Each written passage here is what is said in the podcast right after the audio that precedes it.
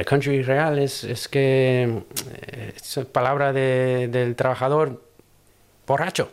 Y esa es la actitud. Sí, que yo vengo del punk, pues yo por eso me empecé a, a romper el cuello y cosas así, de dar un poco más lo, lo normal, porque yo también me estaba desahogando. Esa época de mi vida fue, fue muy fuerte. Yo eh, estaba homeless. Yo vivía en una tienda de campaña en Ascorri.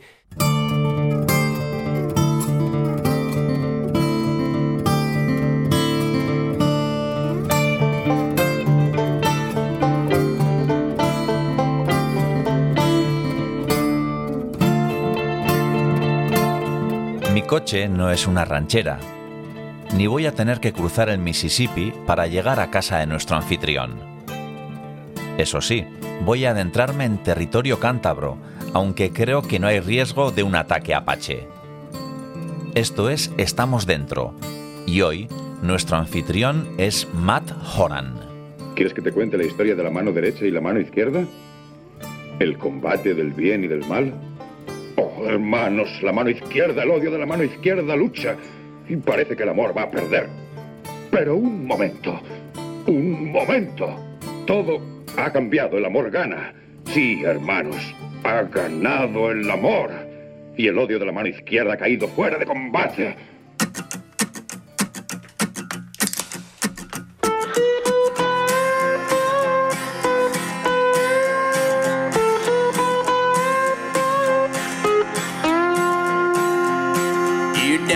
Killed your mama, done gone killed your papa. You say no, we have fought whole.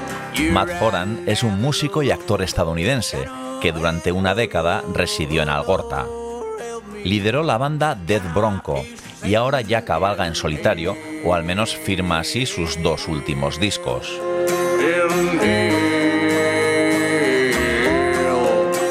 Lo de cabalgar se le puede aplicar a sus dos grandes pasiones, la música y el surf. Esa es su particular lucha entre el bien y el mal, porque Matt Horan no sabe vivir esas pasiones con mesura. Le arrastran como una ola que cuesta dominar. ¿Quién rige actualmente su vida? ¿El surf o la música?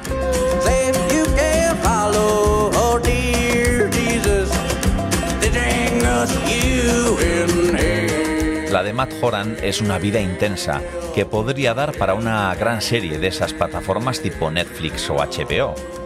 Pero en Estamos Dentro compartimos su palabra a través de otras plataformas, las de podcast. Ahí estamos gracias a Ulu Media y EITV Podcast. Yo soy John Martija y vamos camino de la localidad cántabra de Oruña de Piélagos, que es donde reside actualmente Matt Horan. Dentro de 200 metros, gira a la derecha hacia Barrio El Puente, K321. Tu destino está a la izquierda.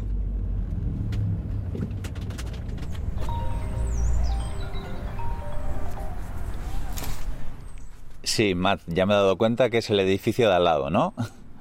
Sí, eh, pero si te vas hacia la derecha, ah, donde están los buzones, Sí, como unos contenedores de, de Sí, basura. ahí Hay una cuesta que, que baja para abajo, vale.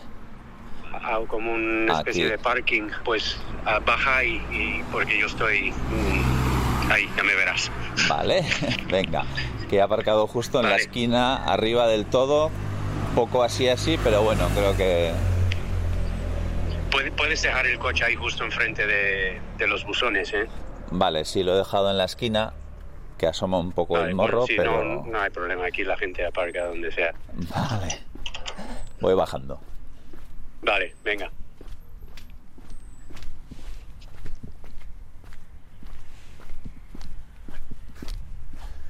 Buenas.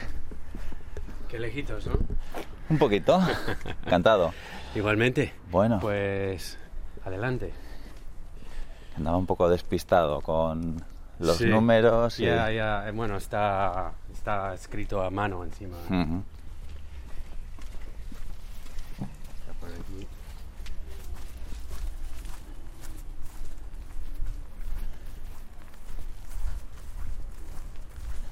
Es aquí. ¿Y estos quiénes son? Eh, Ah, sí, Kim. Oh, sí, Ken. Hola. Estás maja, este es un poco tonto. Hola. No le hagas caso. ¿Qué pasa? ¿Qué pasa? Bueno, Es No pasa nada. Ya cuando ya e- e- ese silencio incómodo ya se pone tonto. sí. Pero está... Bueno, que es pastor. Perro Sí, pastor. es eh, un border collie, sí. Un poco nervioso. Sí, súper, súper y obsesivo. Bueno, ¿Qué, pues eh, ¿Dónde...? Algún rincón tranquilo, una mesa para poner los micros Sí, sí, sí. y estar tranquilamente.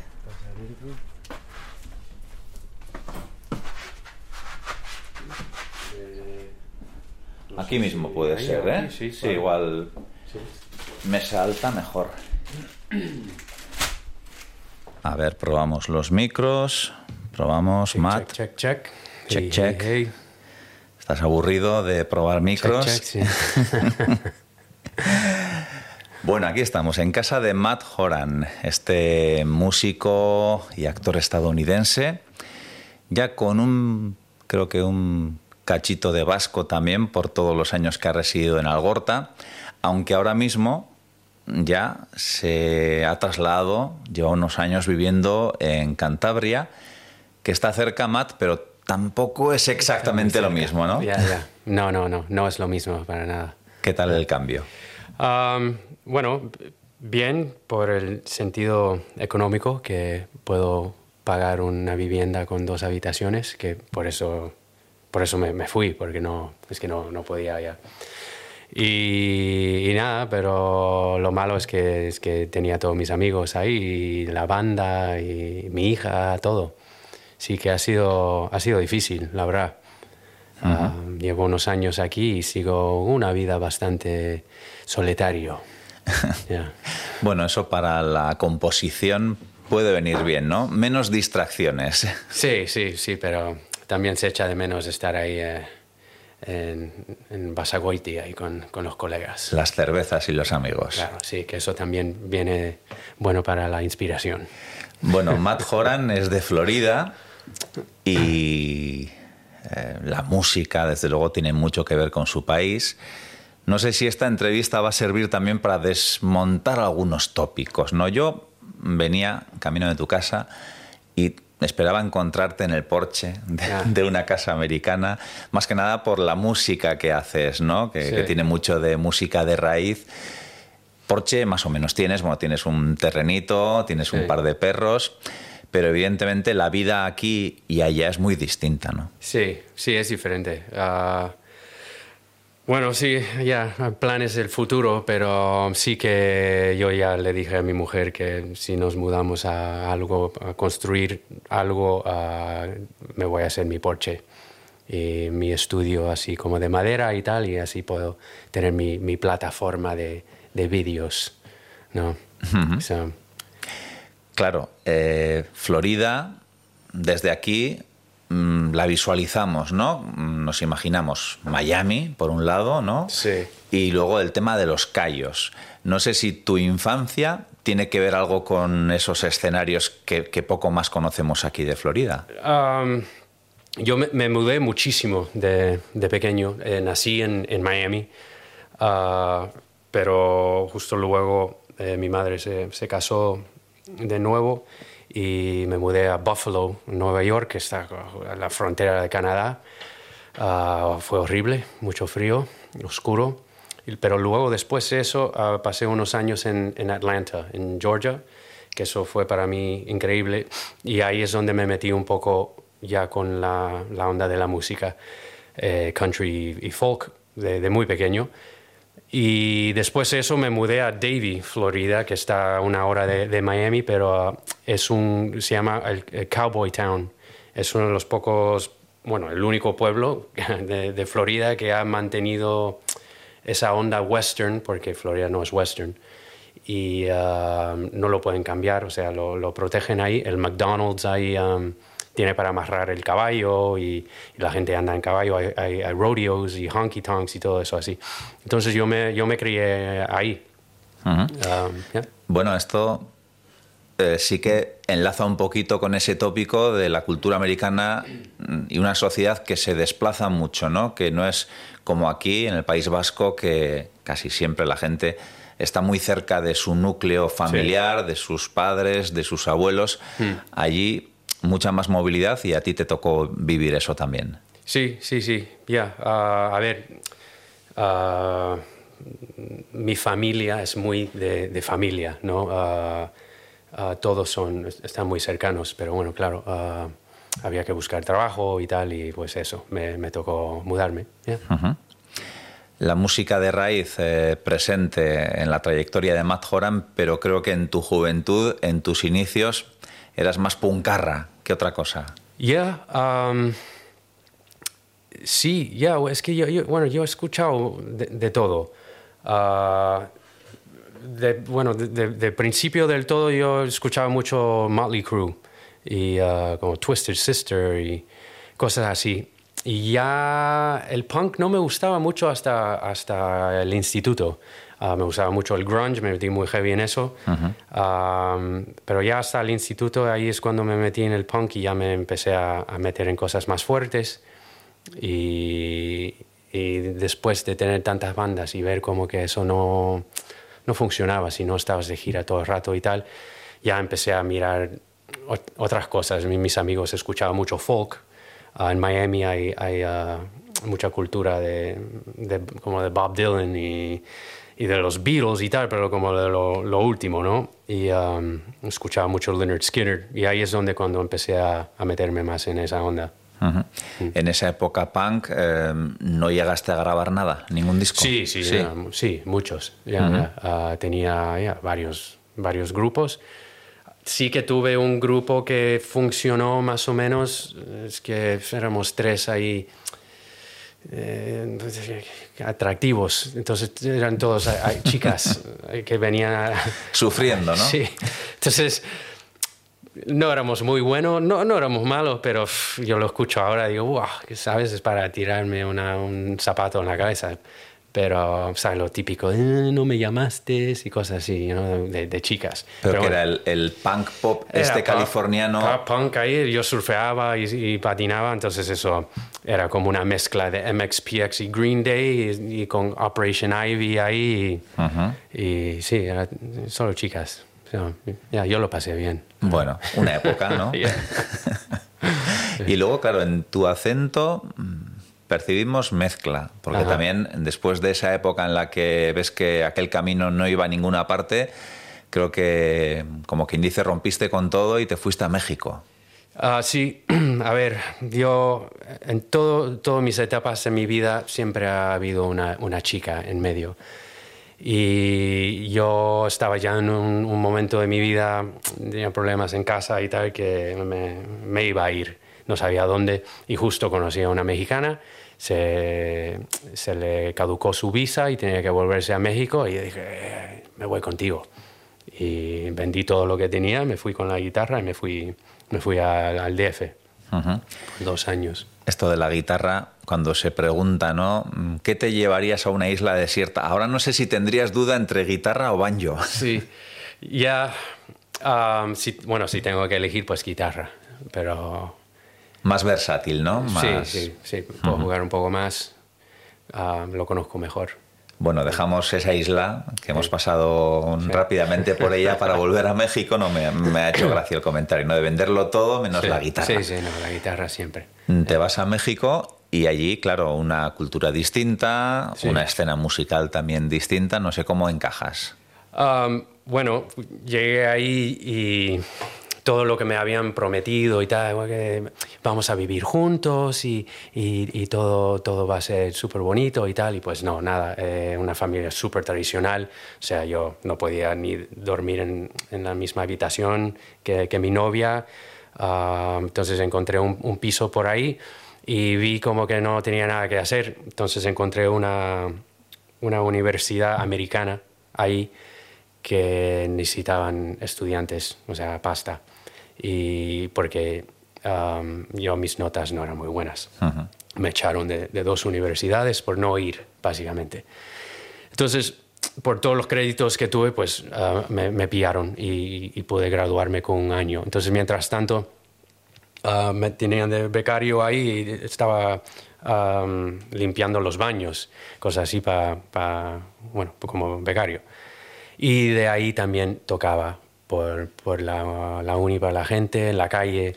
am, entonces ahí empecé a, a meterme un poco en la onda con los, los que les llamaban los, a los mexicanos los hippies, ahí en Coyacán y todo eso, que era como la, la zona de, de arte, donde, donde estaban todos. Y, y ahí la verdad que fue, eh, fue muy guay, gente muy abierta y música que yo nunca había escuchado música en español, rock en español jamás. Y um, ahí bueno, conocí a uh, Soda Stereo y, y todo eso. Entonces fue como, me, me abrió muchísimo la, la mente y, y eh, descubrí mu- mucha música nueva. Entonces, pues mi folk que hacía era, eh, había tangos y, y murgas y cosas así de... Era una mezcla de todo lo que me estaba pasando por ahí. ¿Cuántos años viviste en México? Eh, dos años. Dos años. Mm. ¿Y qué chica te trajo a Euskadi? ya que siempre había una chica Ah, de por medio. Pues no, no, justo fue la, la, la mexicana, ah, iba a ser un máster en Madrid. Entonces, pues me fui con ella a Madrid ah, porque estaba entre Inglaterra y Madrid y vi como que la gente, porque en esta época era MySpace, ¿no? Entonces la, Sí. la mayoría de la gente que me escuchaba eran de España. Entonces dije, "Ah, hay que ir a España, no sé qué, yo quiero seguir aprendiendo español y tal. Entonces nos fuimos ahí y, y nada, la, la pobre corté con ella en, en llegar, básicamente, y, ah, y estuve en Madrid tocando por ahí ah, ocho meses. Ujú. Eh, por cierto, la universidad en que te graduaste, Ah, administración de empresas y marketing. Bueno, puede tener su función, ¿no? En Sí, la tiene- carrera musical. Soy el peor businessman que, que existe. Yeah. bueno, en Madrid, olas las justas. Digo, ¿no? Con esa pasión por el surf, la música Ah. podía estar cubierta, pero el tema de las olas allí mal. No, no, sí, sí, no, no. Eh, la verdad, hasta en el DF. No, fui a, a la costa un par de veces y surfé un, un par de veces en esos dos años, pero yo se me había olvidado de, del surf y solo quería viajar y aprender español. Yeah. ¿Y de Madrid cómo fue el, el salto a Euskadi? Ah, pues en Madrid me metí en problemas con la policía eh, en el retiro y me decidí irme y me volví a Florida. Y estuve en Florida un año y pico y ah, intentando montar una banda y tal y al final conseguí montar algo y decidimos todos vamos a, a Barcelona y tocamos ahí en las calles y tal. Entonces sí, sí, vale, pues tú vete primero. Pues yo me fui primero, y luego llegó otro y los demás no, nunca llegaron. Eh, mi guitarrista que, que, que al final llegó dijo como que no era para él y, y se volvió. Entonces nada, yo ah, me quedé y en esa época que estaba tocando por ahí, pues eh, le dejé em- embarazada a una chica y que era vasca. Entonces nada, ya me, me, me quedé para ser padre y, nada, bueno, la relación no funcionó, pero eso es lo que me, me trajo a, a, a Euskadi, en Algorta precisamente. Well, now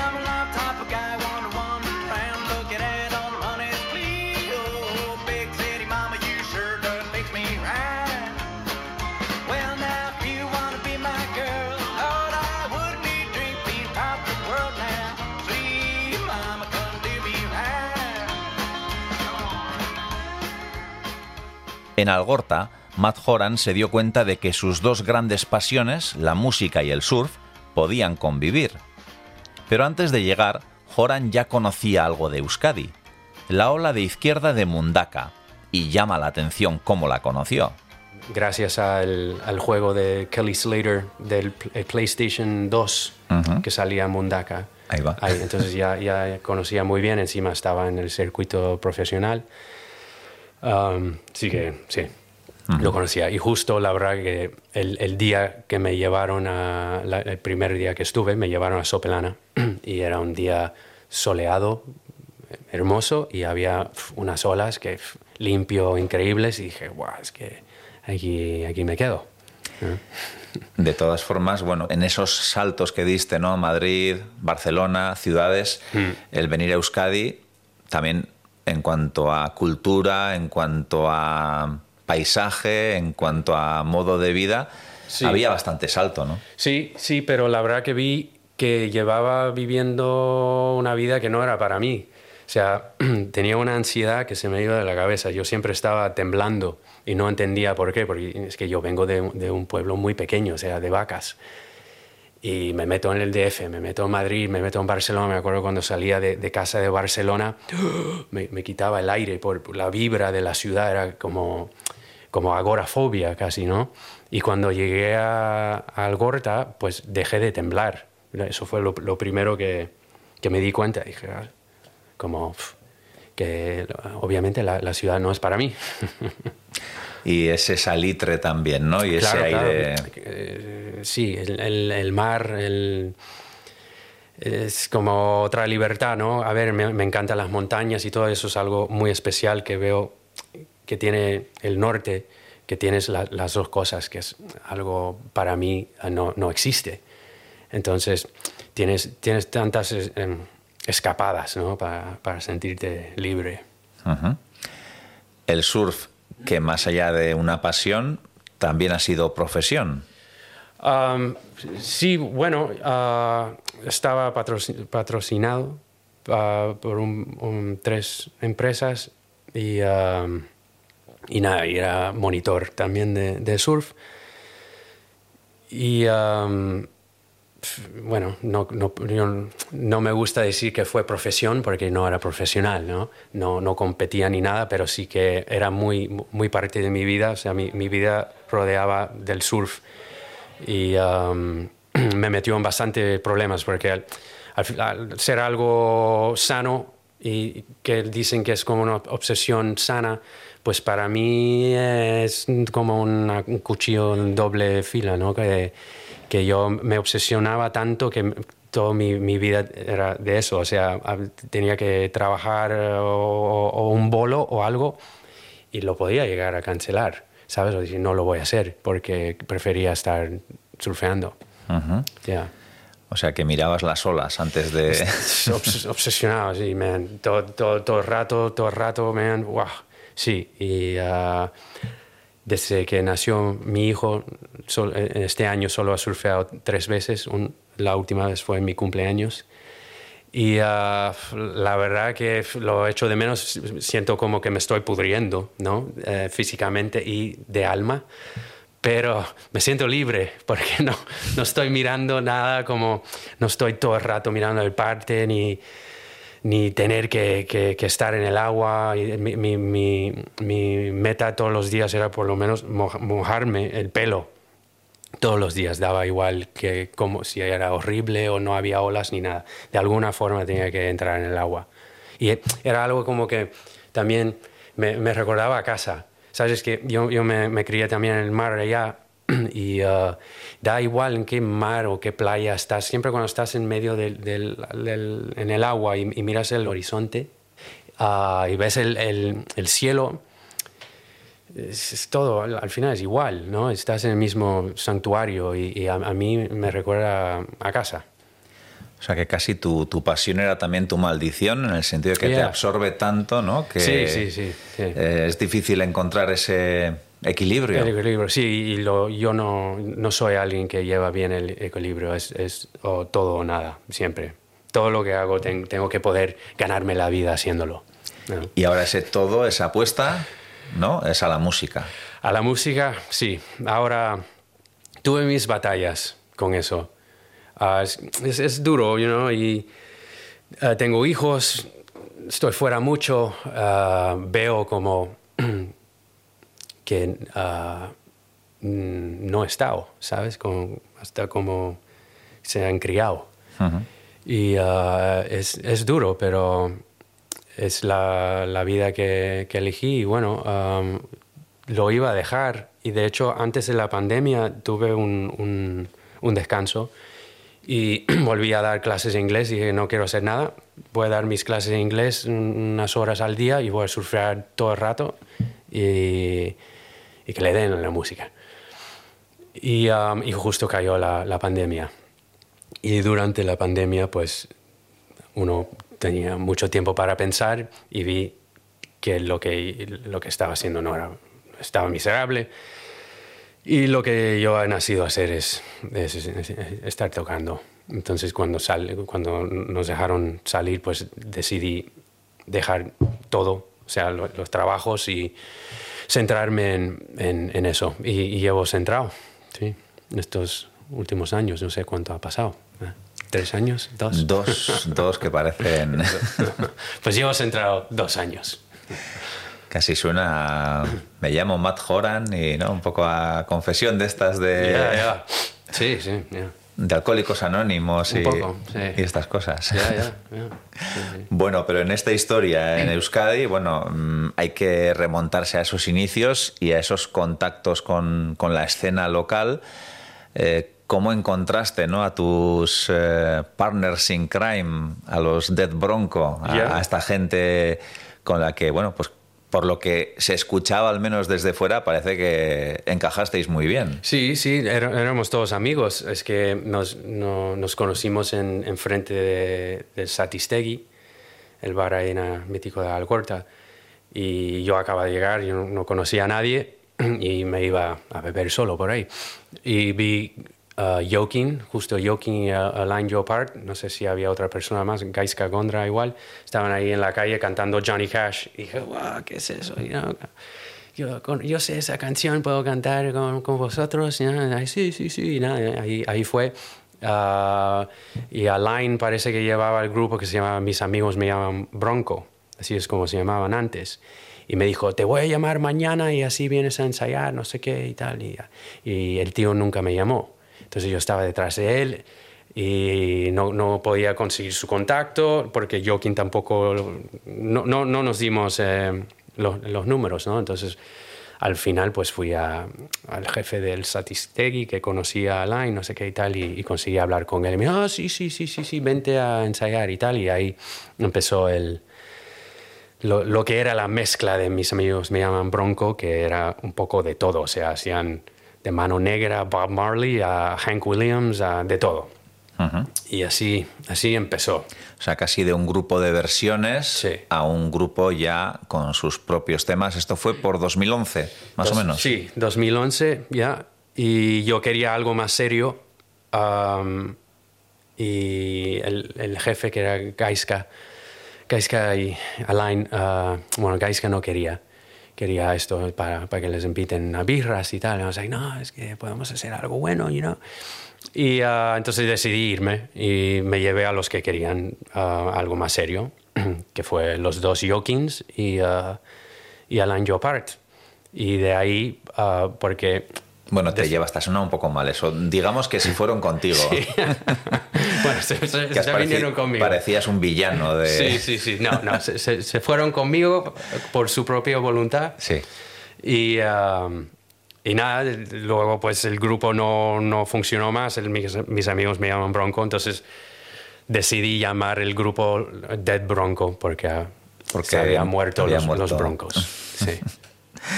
Bueno, empezáis una trayectoria muy potente en el sentido de que, pues, por ejemplo, la BBC en 2013 os nombró Grupo Revelación, así Sí. a nivel planetario, ¿no? Como quien dice.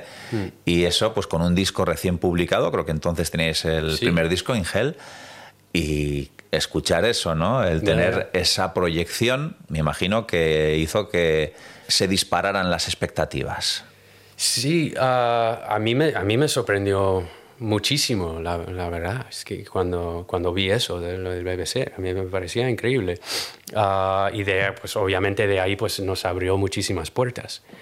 Ahí, eh, nos empezaron a llamar de, de Europa y pillamos un agente de ahí y em- em- empezamos a, a girar de verdad.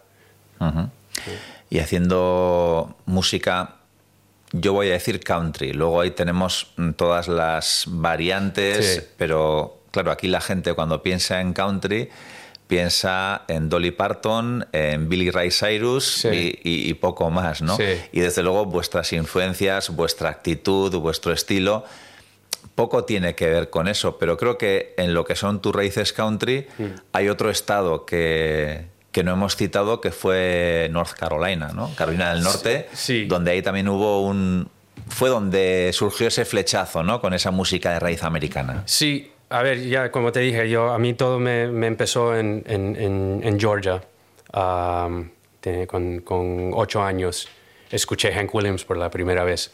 Ah, cuando me mudé a, a Florida, justo ah, tuve un, un tío que se compró una montaña en, North Carolina y ah, se llevó toda su familia ahí empezó como un- una comunidad. Ah, viéndolo ahora es like, oh, mira, eso fue un poco extraño, ¿no? Pero bueno, no, no pasaba nada raro ahí, pero sí que em- empezó su propia comunidad ahí en su propia montaña. Que es algo muy americano también. Sí, ¿no? sí. A ver, es que mi, mi prima se, se metió mucho en las drogas, entonces se llevó ahí literalmente como si aisló de todo y solo dejaba entrar a gente por- con su criteria que podrían vivir ahí y se construían sus casas y tal, y tenía su iglesia y eso.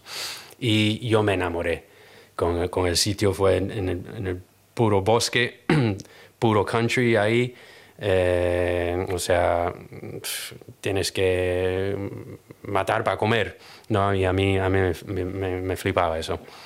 Y ah, ahí obviamente había mucho bluegrass y venía a, a- a la iglesia y tal y escuchar al gospel y todo eso y yo, yo, era, yo, estaba pre- preparado para vivir ahí. Hasta le dije a, mi madre que me quería quedar y tal y bueno, obviamente no, pero ahí es donde me metí muchísimo con, toda la cultura que, tiene que ver con, la montaña.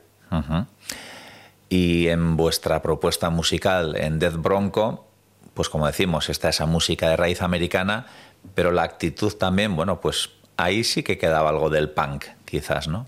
Es que lo que la gente, lo que ha pasado con la palabra country es que Nashville lo, lo cagó. O sea, inventó un country que en realidad no es country. Y gracias a, Hank III, rompió esas barreras otra vez y los, nos enseñó otra vez lo que en realidad era el actitud country y lo que es country, que es gente de, de pueblo, ah, trabajadores, que cuando beben se ponen un poco locos. Y es esa actitud que quieres bailar, quieres gritar, quieres desahogarte, ¿no? Y, y eso lo- es lo que nos quitó Nashville. Ah, y hay mucho allá en, en las montañas y tal de am, como prohibition de, de beber. Ujú. Entonces hay sitios que te dejan beber, hay sitios que es, es como Que está ilegal. prohibido. Sí, sí, sí. Y entonces Nashville se llevó más, más eso. y el country real es, es que eh, es palabra de- del trabajador borracho. Y esa es la actitud. Sí, que yo vengo del punk, pues yo por eso me empecé a, a romper el cuello y cosas así, de dar un poco más lo, lo normal, porque yo también me estaba desahogando. O sea, esa época de mi vida fue, fue muy fuerte. Yo eh, estaba homeless. Yo vivía en una tienda de campaña en Ascorri. ah, Luego me cogieron amigos a, a dormir en sus sofás y tal, y, y fui poco a poco hasta que conseguí a, a mi propio sitio.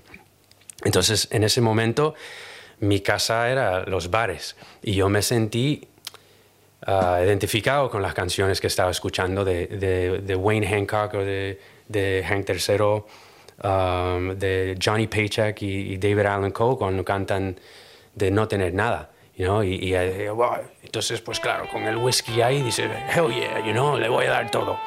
Y eso es lo que yo estaba mostrando, pasarlo bien.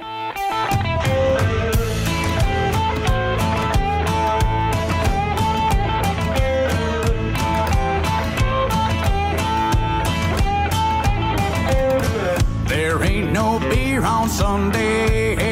That's Atlanta law.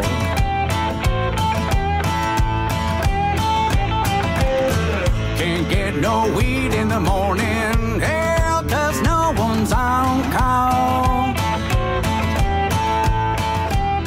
El sonido de Death Bronco, con el paso de los discos y los bailes de formación, cambió bastante.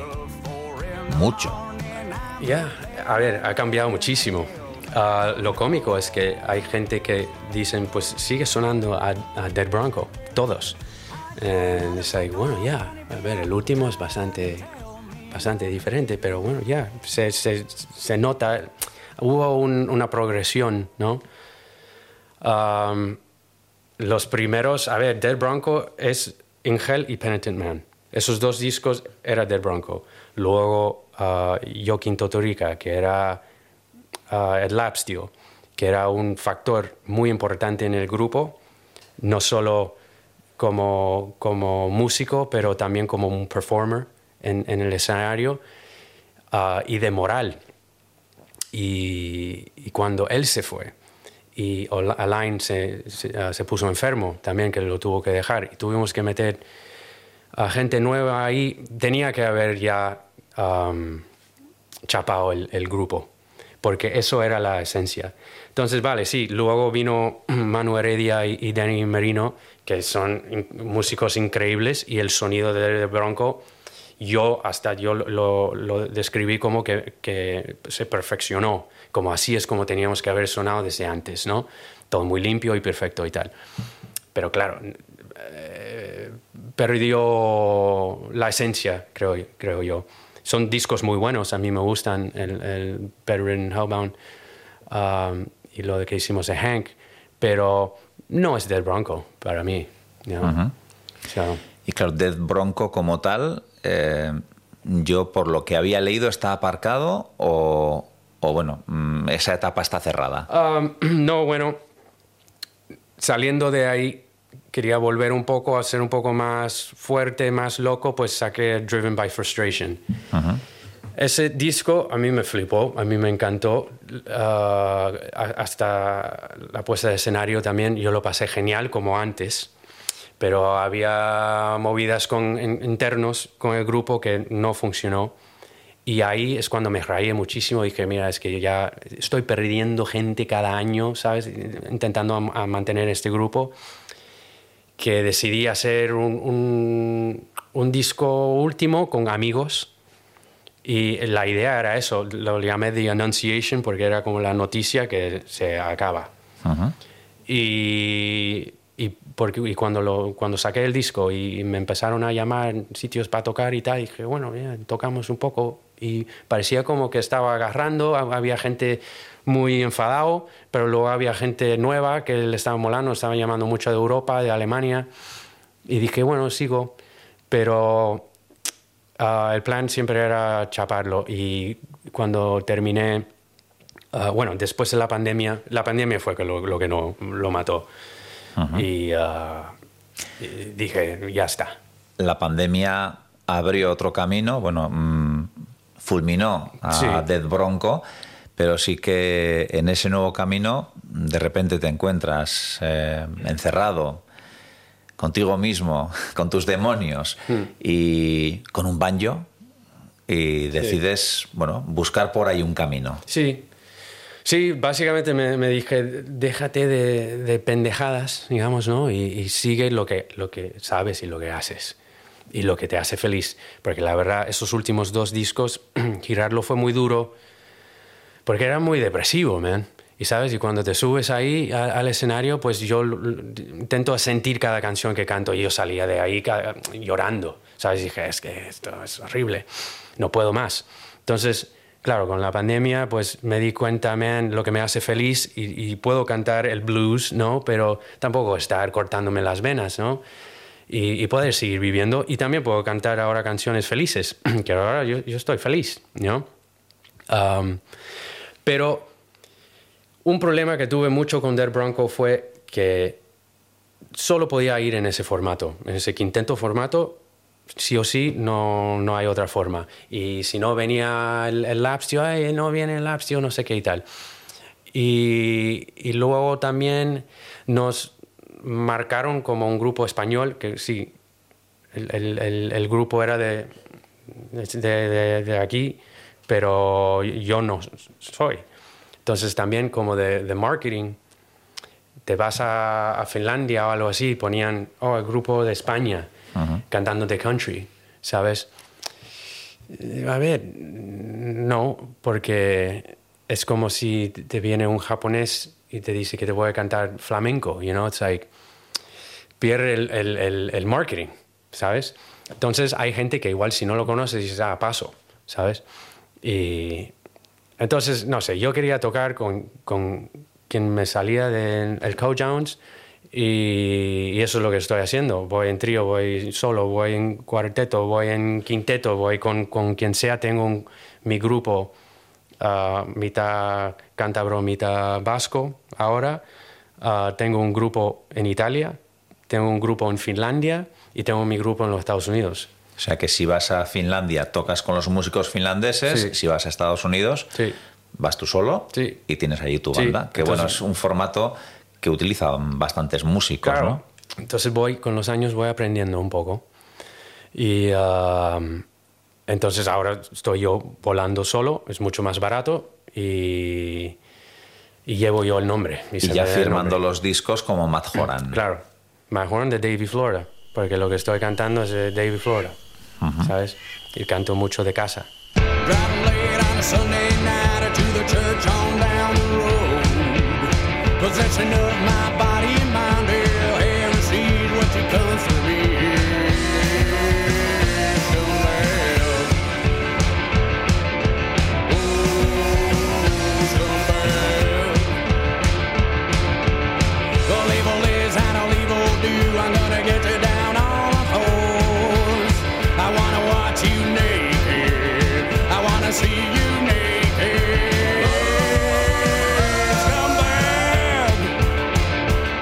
Cuando parecía que Matt Horan había encontrado su camino, llegó la pandemia.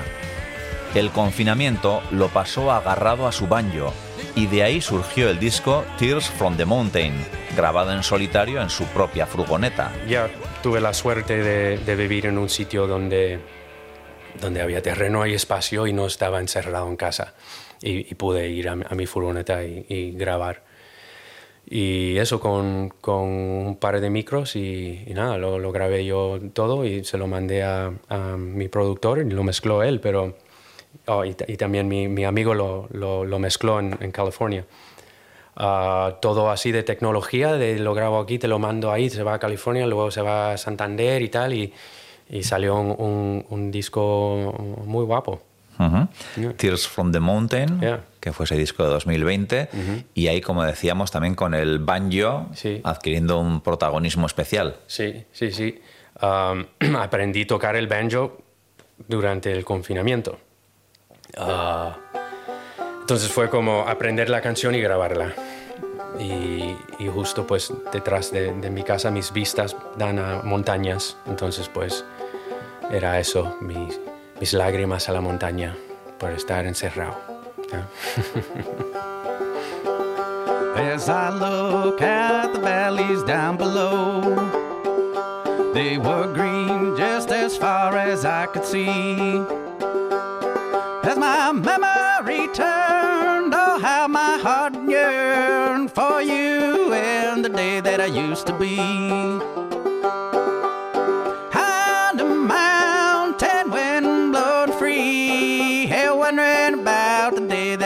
To be. High on the mountain, standing alone. Well, wonder where the years of my life have flown. Aquí pasa, eh, por lo general, ¿no? Nos pueden gustar muchos grupos anglosajones, americanos, pero tampoco hay tanta gente que entienda las letras o que se preocupe por lo que está contando ese cantante, ¿no? En ese momento. Algo que no sé cómo vives tú, que sé que le das mucha importancia a lo que estás cantando. Y de hecho antes decías, ¿no? Eran discos depresivos, los dos últimos de Dead Bronco. Sí. Y no es que los cante, los interpreto, los siento, me meto, ¿no? En ese, en ese agujero negro. Eh, ¿Cómo vives tú, ¿no? Esa situación de, Es- joder, me lo estoy currando con las letras y... mm, Es, es duro, es, es muy duro, porque no, lo has dicho, igual en un concierto, igual un, un por ciento de- de- del público en, en realidad entiende lo que estoy diciendo. Entonces yo tengo canciones que estoy, que una canción que hi- hice por cuando falleció mi madre, y estoy llorando mi corazón ahí y, me- y tengo gente ahí haciendo ¡Hija! ¿Sabes? Y vale, a ver, yo ya estoy acostumbrado. Yo he tocado en bares y tal donde la gente pasa de ti. Pero siendo un músico y un songwriter es, es frustrante. Um, justo uh, volví de, de un- mi, mi gira en, en Estados Unidos el mes pasado y me vino gente a, a- a abrazarme o decirme, oh, qué, qué- qué buena o, o qué bien que te quedaste ahí por tu hija. Yo tengo canciones que cuentan mi vida, ¿sabes? De- mi, mi canción Take Me Home es cuando yo era homeless en Ascorri y me quedé a vivir en, en el País Vasco por mi hija. Eso fue mi única razón, que si no yo me hubiese seguido tirando para qué sé yo, pero yo me quedé por mi hija. Y mi can- esa canción lo dice.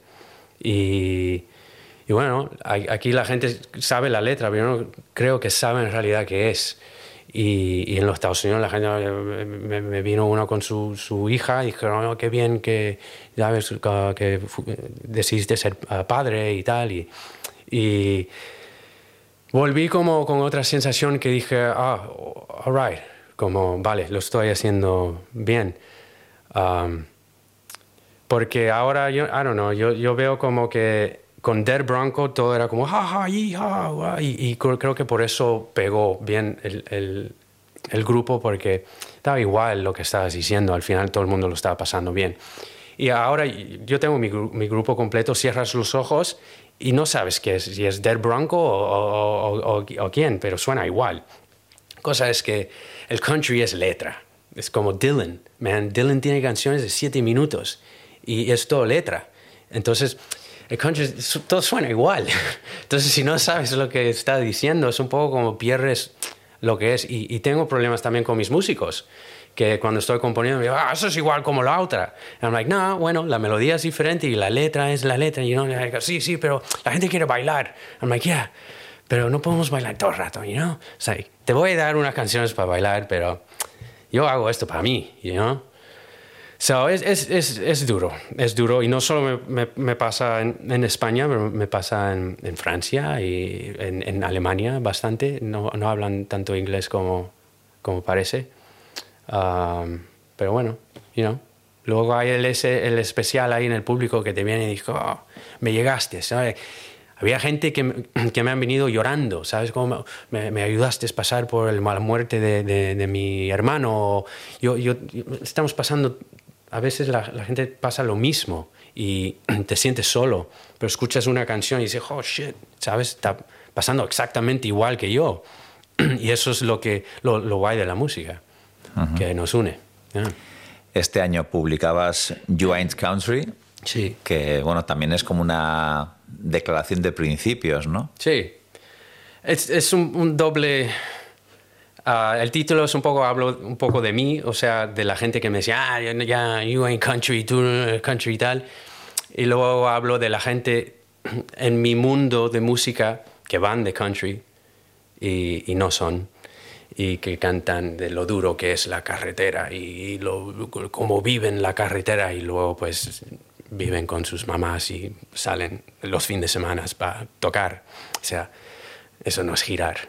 You know. Girar son meses comiendo muy mal, durmiendo muy mal, estando lejos de tu familia y viviendo esas experiencias para hacer tu música. Y, y- ganar muy mal, you know? So, eso es. Ain't Country literalmente lo dice. Literalmente. Me, me río de esa gente, pero también me río de mí. you know. En Euskadi, em, bueno, en Euskadi, ahora en Cantabria, pero bueno, cerca, ¿no? Al final, eh, a una hora de Bilbao, Sí. eh, ¿te sigue manteniendo la familia? Digo, porque ahora que, ¿no? Esa sensación que tienes de haber vuelto de Estados Unidos, de ver que allí te entienden, o sea, que entienden mejor tu música y que al final, si el valor añadido de tu música son las letras y aquí en Europa, vale, ahora vas a tener también gira por el Reino Unido, bueno, pues ahí también se supone que, Sí. que las entenderán. Sí.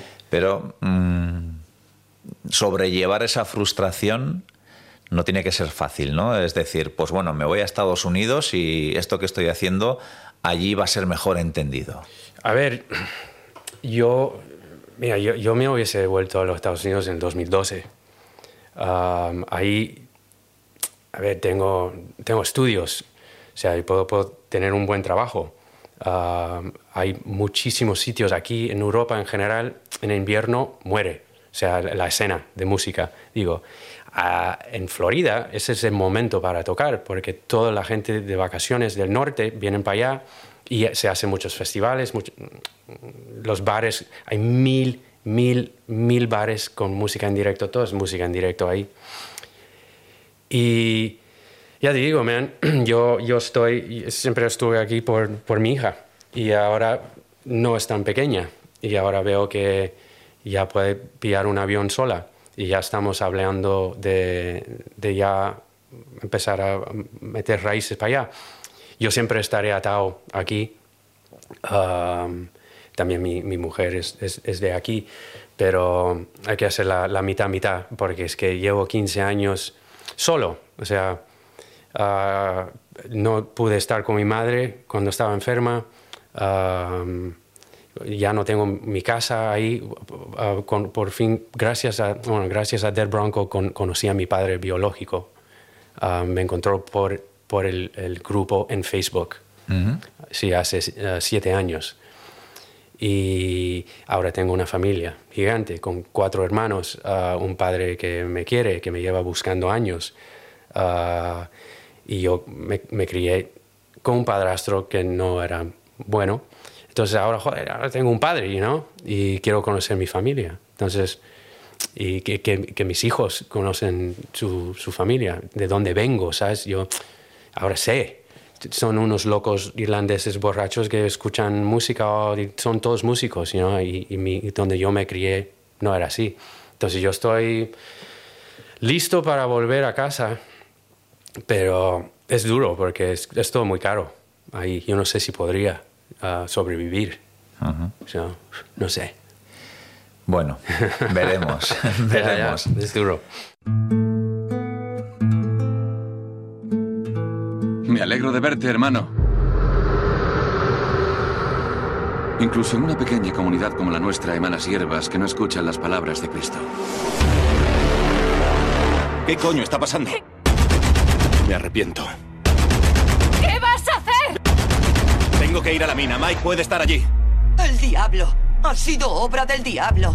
Señor, ¿cuántos de nosotros se salvarán? There's a town I dream about all night.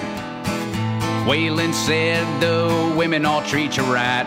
Well, it don't rain. Hay otra faceta de Matt Horan que no hemos tocado todavía, la audiovisual. En 2016 protagonizó la película La Mina, dirigida por Miguel Ángel Jiménez y rodada en Estados Unidos en inglés, en clave de cine de suspense y terror, pensada para el mercado internacional. ¿Cómo aterrizaste en ese proyecto? Pues justo me, contó el director de cómo me encontraron y estaban con problemas de quién no sabían muy bien quién querían que, que sea el protagonista, que, no les encajaba a nadie.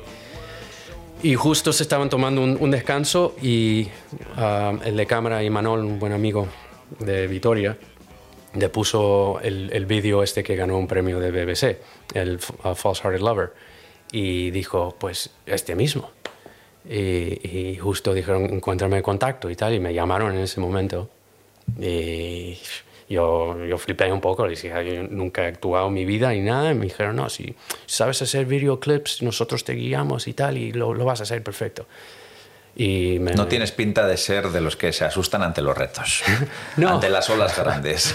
No, pero a ver, si es un papel pequeño, vale, pero ser protagonista, si lo haces mal, la película es un fracaso, you know? entonces había mucha presión, Ah, pero yo lo, pasé genial, me fui puro método, método al tope, me volví loco, Ah, no sabía que seguía en personaje por un año después. La gente me decía, de- mi- mis colegas de la película encima también, dije, ¿por qué es estás actuando, como fumaba el cigarro y todo, en la, la- la vida real hablo.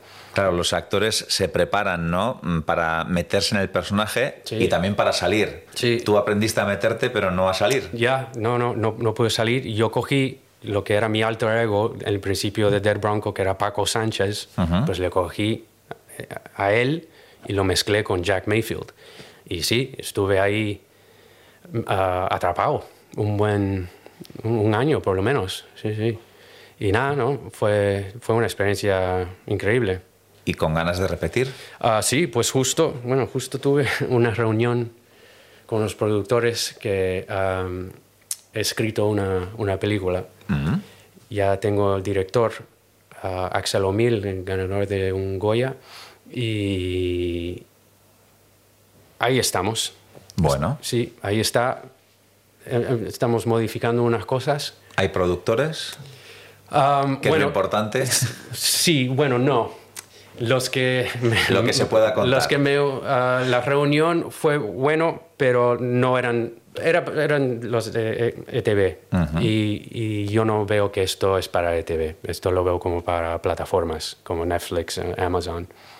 Am, entonces vamos a ir a ese camino. Y, Ujú. y ellos también pensaban lo mismo. Entonces, has hecho el guion y sería para protagonizarla tú. Sí, sí, sí, ahí estamos. Ahora estamos, después de esta reunión, vimos un poco más la luz, nos hemos abierto un poco en otro camino, lo estamos ah, modificando, pero ya, ahí, ahí está. O sea, Tiene algo que ver con la música, lo que se pueda contar, ¿eh? Con tu vida. Sí, tiene que ver con la música y, y con vascos. Es un- estoy dando como ah, un poco gracias a, a donde, donde pude ah, ah, realizar mi, mi sueño americano, digamos. El sueño americano que lo realizaste en Euskadi. En, en Euskadi, ya. Bueno, Matt, eh, ha sido un placer el compartir este rato contigo. Igualmente. Un lujo y lo que quisiéramos es acabar con una canción. Sí, sí. ¿no? Que puedas tocarnos algo, no sé si del disco nuevo. Bueno, por cierto, de la película también compusiste la banda sonora. Sí, Que sí, eso no sí. lo hemos comentado. O sea que, bueno, hay otra referencia musical ahí. Sí. Em, ¿Qué nos vas a interpretar? Os voy a, a cantar una canción um, que es nueva, uh, que se llama The, The Son of No One, eh, El Hijo de Nadie. Um, y va un poco lo que estoy viendo por ahí, va dedicado a la gente que lo han hecho todo de cero, sin, sin la ayuda de un apellido ni, o del dinero de, familia, ni, ni venir de una legacía de músicos de Nashville. Perfecto, pues venga, vamos con ella.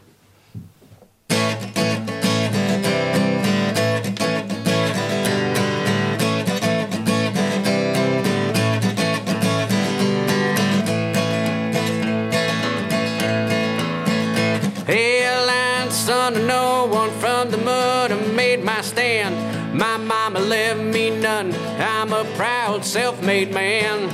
Been around the world, yeah, the proof is on my boots. Made something out of nothing, man. Well, ain't that the truth? Hell, I'm son of no one. I'm a proud working man. The little that I have was made by these here hands. Well, I'm a man of code. What's right or right? You see, well, I'm a pistol packing daddy. Don't you ever tread on me. Hell, all them rich folk think that I'm a fool. Well, now everything I know and done you can't learn in school. Life's taught me how to survive on the street, not like these grown men still on their mama's teeth. Well, I'm son of no one, I'm a proud working man. The little that I have was made by these here hands.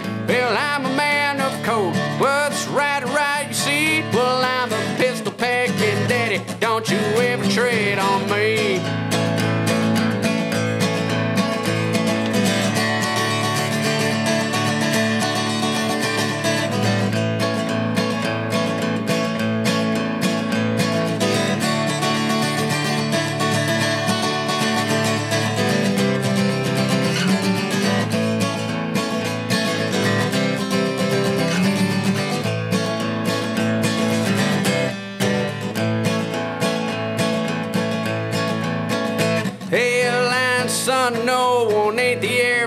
Company. Wasn't born in a no Nashville music legacy. Need nothing from no one, cause Lord, I paid my dues. I won't pucker up and kiss no one's ass. Now that's honest truth.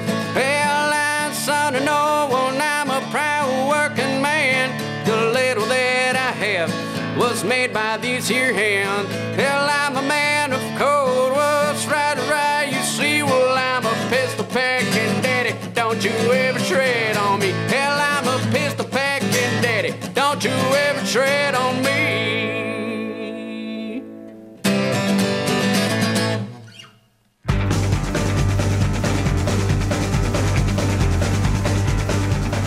Hasta aquí este capítulo de Estamos Dentro con Matt Horan como anfitrión.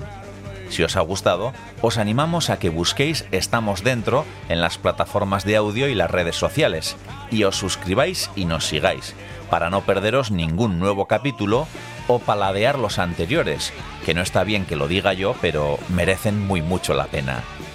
Un saludo de John Martija, Ulu Media y ITV Podcast y gracias por acompañarnos en esta nueva visita. Hasta la próxima.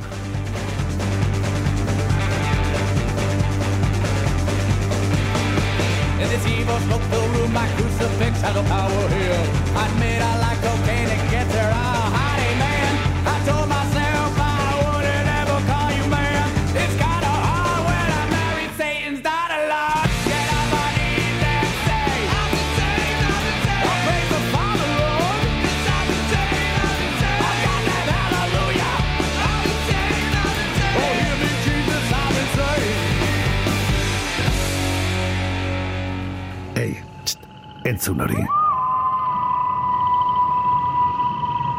Ulu Media.